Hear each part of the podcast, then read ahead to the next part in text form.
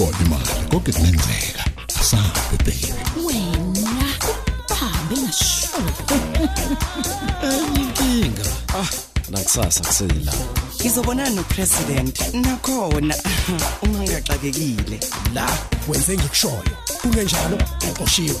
Ungathembela kumina ngeke ngitshele muntu. Kanti kunezami izinto ziyohlangana nini? Uthi akambulalanga kodwa mina ngiyazi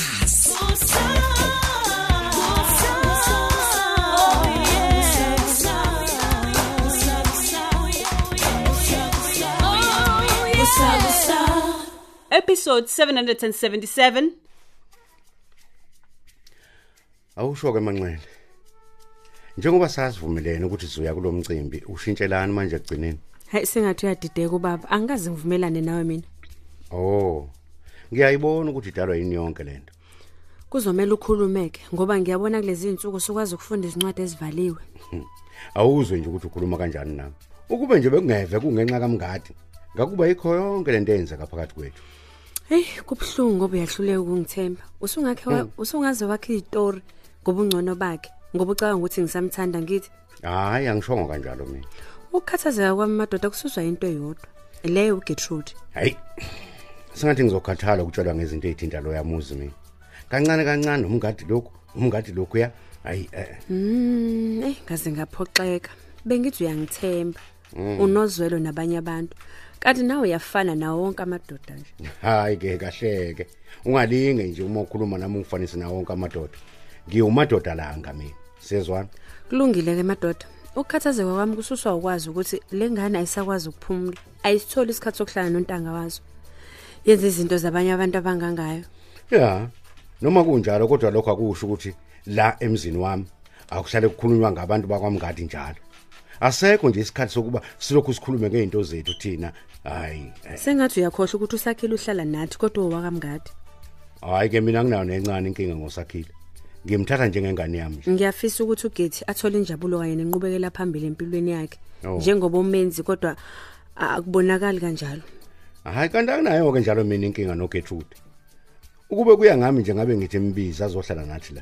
Kodwa ke nawe uyazi akasoza vuma. Hey ngiyakuzwa lokho kodwa akusho ukuthi angimiyekelele ngingamsizi ngalutho Futhi kakusho ukuthi unkosikazi wami kumele agamanxe indaba enza kwamngadi.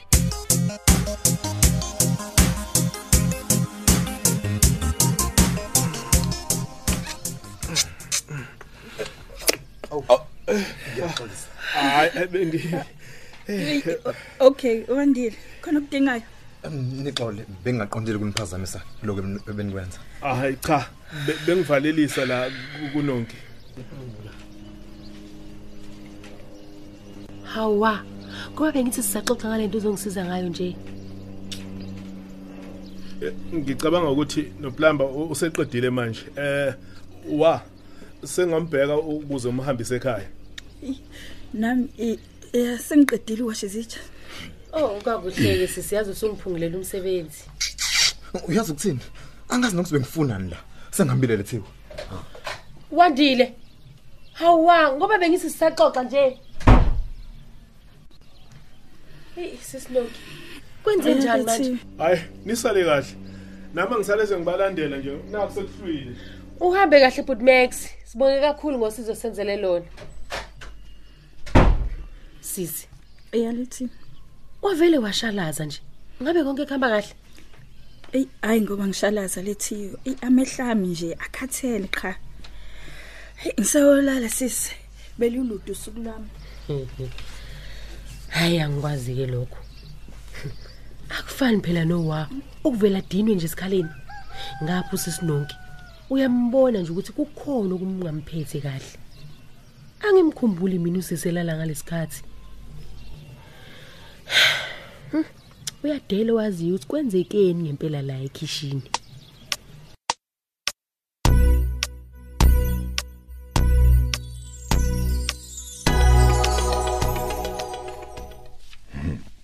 Yazi ngiyaqala ngqa ukuzumana baba madoda bexabana ngalendlela yonke lento eyenzekayo ayifani kancane nabo. Abayona lenhlobo okuhlale kuzwakala umsindo ongenasidingo uma bekhona. Yazi kufanele ngabe khona ukuthula nenjabulo yodwa. Kodwa cha akwenzeki lokho. Ngenxa umuntu oyedwa nje o- ofuna ukudala ukungezwani phakathi kwabo. Azongicasula. U- umthetho wakhe ngempela uzibone yinje. Ya angivele ngimthinte kusashisa nje. Uma ngingenzi njalo ingagcina simphunyuke yonke lento uma angiqaka umuntu. Angalinga zama ukulizibula umucingo ngoba umenze njalo ngizoqonda ngqo kuyena mina. Hayi sakhile kona njani kashelo wena qifi qifi wani wani qifi qifi shakile wani mhlola yami boyindaba ufanele ungidela ocingweni lami. Uyajabula ke ngalento osuyenzile manje. Ha? ukhuluma ngani? Ngikhuluma into osuyenze kubazali bami. Hayi bo abazali bakho ibaphi labo okhuluma ngapho? Ayihlekisi gethu lento engikubuzayo niyazwa mani hayi bo. Wenziwa yini ukuthi u- ucabanise ubaba noma ngezinto eziphathelene nabantu bakwamngadi oh okay ukhuluma ngalabo kanti. Ehe. Lalela ke usheshe wakhohlwa ke bhuti wami. Khohlwane yabona umadoda langa? Akasoze aba igazi lakho. Noma ngabe sekuthiwa wena ukhalinye embeze imathonsi hey hlukana noma wena. Uma akadingi lutho olumhlanganisa nomngadi uyezwa? Hayi bo kahle futhi kumadoda uyena umuntu okwaziyo ukuba ubaba kumina. Ngaphezulu kwalo ihlolo omkhulu kakhulu kuwena. Ngoba umkhonze ngathi uNkulunkulu. okuhle ukuthi nawe uyakuzala. Yeke ukumpatha lobo yibona wena. Wena ungakwamngadi phela nje.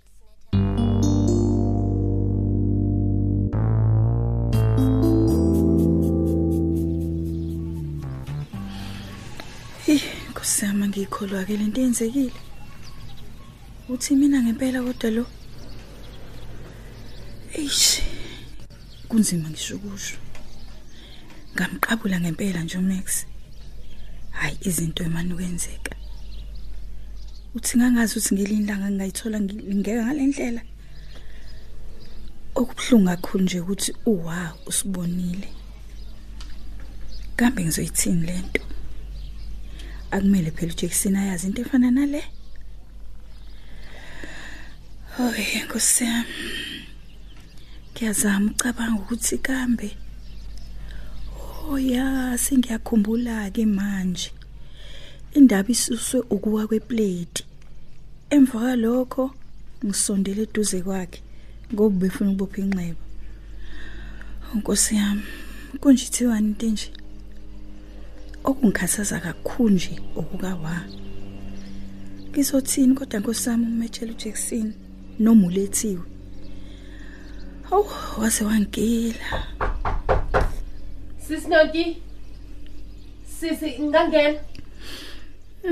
Yini kodwa we- kwenze njani lethiwe ngoba ngiyishilo ukuthi ngizolala Uxole sisa angiqondile ukuphazamisa. Kodwa ngilethe ucingo lakho kade likhala. Oh hayi ngiyezwa Nantu ke sisi. Ngilithathe kwishaja ngibonile ukuthi ulikhohliwe. ngiyabonga kakhulu sisi Hawu sisi. Wavala futhi. Ngabe konke kuhamba kahle nje? Yebo lethiwe ngidinga ukuphumula nje ulale kahle. Eh ulale kahleke nawe sisi. athi ngibone ukuthi ubani yena lo befone angithemba kuyena. Ish kusiyami umyalezo oqhamuka kuJackson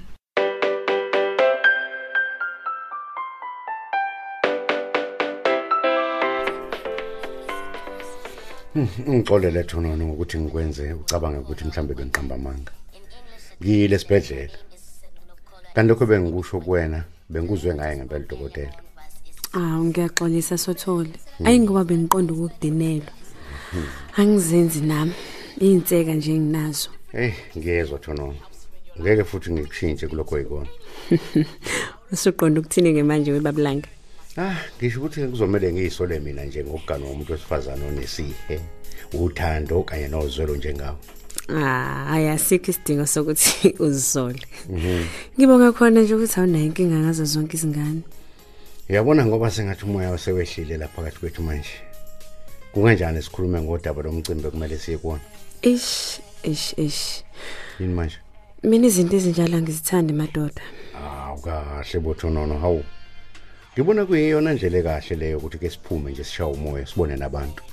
Ngiyakuzwa madoda. Hmm. Kodwa inkinga yami iyodwa nje. Uma kuziwa kulezi zinto zomzabalazo. Awu i- i- inkinga yani le. Hey uma kukhulunywa ngabantu abashona ngaleso sikhathi Ehhe. noma baphuma ekudingisweni. Mhm. hlale ngicabanga ngebele lami elanyamala ngazo lezo zikhathi Oh, eish, kambe. Eh, uyazi sengakhohlwa inyawo sithembiso. Hey angikhululeki neze nje njengoba ngingazi ukuthi waphelela lapho umntakama Mm. inhliziyo yami ayikuthola ukuthula ngingakaze ngabona ngisho ithambo lakhe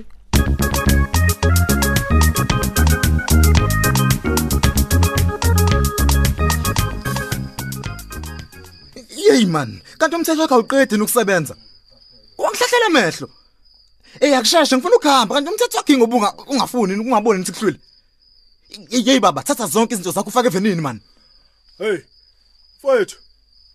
Qoqa kahle into zakho. Kungabi khona amathuluzi washiyayo. Eh, wa- Wandile, Wandile. Hey, ngicela ungangibiza ube ngibona. Khuluma ufunani? Haw.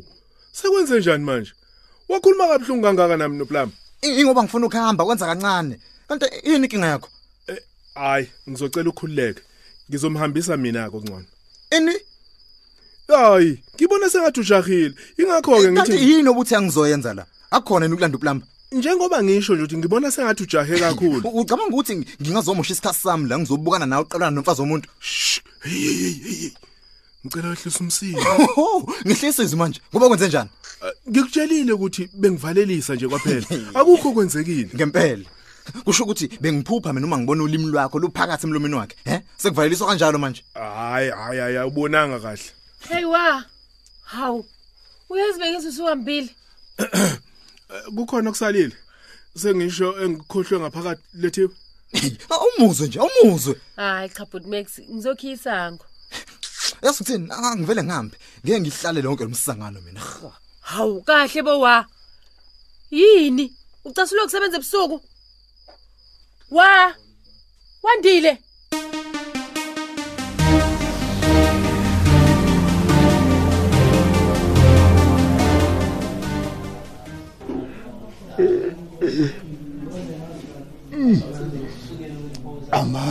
Amanzi awu madoda ungathi ngingene namhlanje la esibhedlela ngendlela nje umzimba wami obuhlungu ngayo.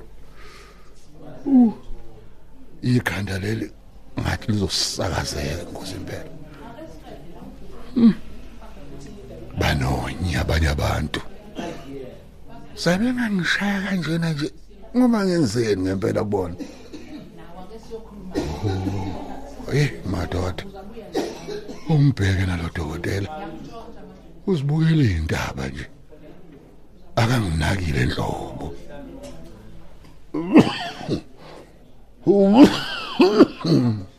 Oh madoda. Dokotela ngicela ungisize nga Hawu. Sawubona wemngadi. Wabuke kuxwayile nje. Bengithi uzojabula uma ungibona. ah ah ah ay awu khona kuya ukuthi bengitshela ukuthi udokotela Oh hayi ngezwe. Awusho ukuthi uzunjani? Eh ngiyafa phethe. Eh singishayile. Zangilimaza izinsha. Hayi. Kodwa ubuye kungcono nje. Ngeke kusho ukuthi kwalimala. Ungasho kanjani lokho mfowethu? Ubona ngilimele kanje. Uyabona nje ubuso bami babudwebe babuqeda. Nehlo lami leli livalekile nje bu. Ey bacishe balikhipha impela. Hawu. Ngiyazwelana nawe. Kodwa ke usazohlala la. Angizwa ke usho ukuthini ngalokho? Usazothi ukuhlala impela. Ha? Kufanele ngikhiphe udokotela ngiyolulamela ekhaya. Njengoba ngisho awindawo. Hayibo. Uzophuma la esibhedlela uphindele ejele. Ilapho ke ngikudinga uhlesi khona. Hayi ngeke mfowethu. Ngeke kwenzeke lokho. Oh, imhlola yini? Usho ngoba ungabona ukuthi uma ngiphindele etshele mahle bangiqedele. Hayi suka. Akukho umuntu ozokuqedela la. Hayi. Kwenziwe lento enziwa ngisho ema boarding school la kuwena. Yini? Bakufikisile, sekudluleke futhi. Hayi, hayi. Oh. ha- Angikhathali noma ungathini. Kodwa ang- hayi angiphindele. Lalela etshele lawe mina, mngadi. ngeke. Lalela Hawu. mngadi. Uma udaze inkani, ngizovela ngitshelela aboboshwe nabo. Othando nalo ngabanye abantu besilisa. Oh, yiyo wena. Mhm. Ngeke uyenze into enjalo. mina ngithanda abantu besifazane hayi isilisa no uyakwazi lokho ingabi lokho kwadala ukuthi ubulala ukhokho Hayi, uyabona manje uzophindela ejele ufike uvale lo mlonyana wakho uma ke wathi vu ngoDr Sikhali mina iyangiyoculo kwenyoni esihlahleni ngezakhe indaba ish sezwana madoda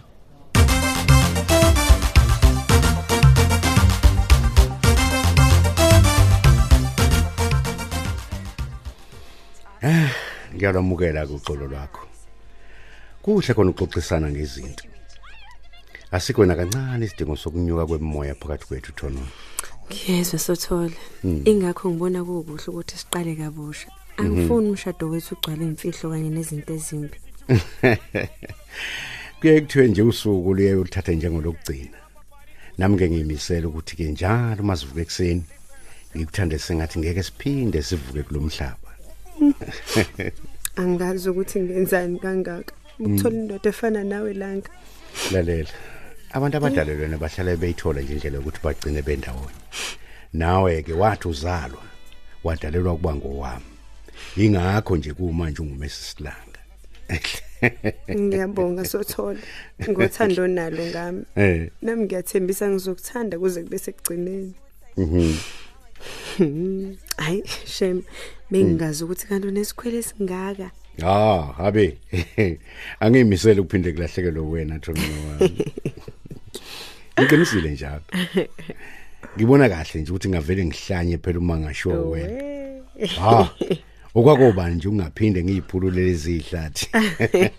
oh kanti umthetho wakho uzithandela izihlathi nje kuphela la kimi Hayi ke. Okunye sokuxoxa kahle uma sesiseparlament. hayibo welanga sekhona iparlamente manje la endlini Awulazi? Hayi, sengathi kuzomela ngiyokukhombisa khona manje ukuze lingaphinde likudide. uyazi njengoba usakhuluma ngeparlamente Eh. eh bengithi ngizocela baba Mhm. ubungeke usebenzise olayini bakho bepolitiki ukuze uthole umfowethu Mm. a- Ayikho inkinga. Noma yini oyifunayo ngizokwenzela. Mm, ngiyalikhumbula iwele lami madoda Hawu. impilo yami ayigcwele neze ngekho Ya, okudlula lokho ke ungakucela uGertrude azohlala nathi la. Ukuze na ukhululeke emqondweni. Angithandi ukubona ukhathazeke ngalendlela. awu sothole wami Siphela kanjalo ke isiqephu sethu sanamhlanje kanti abadlali bethu bekuyilaba uMax udlala usonke ebuthelezi uGertrude udlala uThandazile Gumede uSakhile udlala uEric Hadebe uLanga udlala umthandeni Khanyile unkosikazi Langa udlala uGugu Khumalo Anlungu udlala uThembi Mathonzi uUncle Round udlala uThulani Mengo uLethiwe udlala uThandeka Mgenge uSisinonki udlala uDal Simsomi uKhokho udlala uXelbe Mkhize uMenzi udlala uNtuthuko Ndlovu uMadoda udlala uShedrack Ngema uThandeka udlala uSizwe Nzimande uNozi udlala uSibusisiwe Ngubane uNgqongqo Mngadi udlala uMathini Ziqubu uManxele udlala uBabongile Mkhize kanti abanye abadlali bethu yilaba. Ukhuphukani Khanyile uMbongeni Khumalo uKabelo Liwu uNonhlanhla Ngongoma Njabulo Shelembe umcinelo Shezi uSikhumbuzo Nzuza Sandiso Mfeko Vukani Hadebe Hlakanipho Maphumulo ababhali bethu nguChrista Biyela uEric Ngcobo uDippy Ntuli uSinoxolo Duma Tando Kunene Hlengiwe Shange Lerato Thuwe noZuko Nguqu kanye noNofundo Mkhize. Onjiniyela bethu ngusithembiso Majozi Nkosinathi Dladla kululeko Phephetha usamkelo Khumalo. Ikusakusa iqoshwa ngaphansi kweso lika Dolly Hadebe. I was